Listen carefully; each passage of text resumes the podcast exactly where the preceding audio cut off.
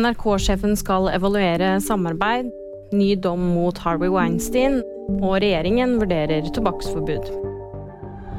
Dette har blitt eh, krevende for oss, og nå må vi gå inn i det og gå i dialog med Sofie Elise. Det sier NRK-sjef Vibeke Fyrst Haugen. Hun sier videre at det er usikkert om podkasten til Sofie Elise skal legges ned eller ikke. Fyrst Haugen stilte i Debatten torsdag kveld, hvor podkasten til Sofie Elise Isaksen ble diskutert. Etter at Isaksen tidligere denne måneden delte et omstridt bilde på Instagram, har debatten rast, og Kringkastingsrådet har mottatt over 3600 klager.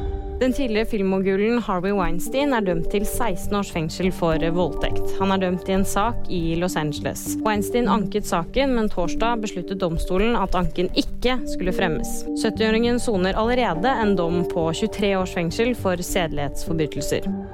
Regjeringen vurderer livsvarig tobakksforbud for kommende generasjoner. De skal stramme opp norsk tobakkspolitikk, og har også diskutert å forby smakstilsatt snus. I 2022 så vedtok New Zealand en lignende lov om et livsvarig tobakksforbud. Det vil si at de som er født der etter 2008, aldri vil kunne kjøpe røyk eller andre tobakksprodukter. Og VG-nyhetene de fikk du av meg, Kaja Marie Andreassen.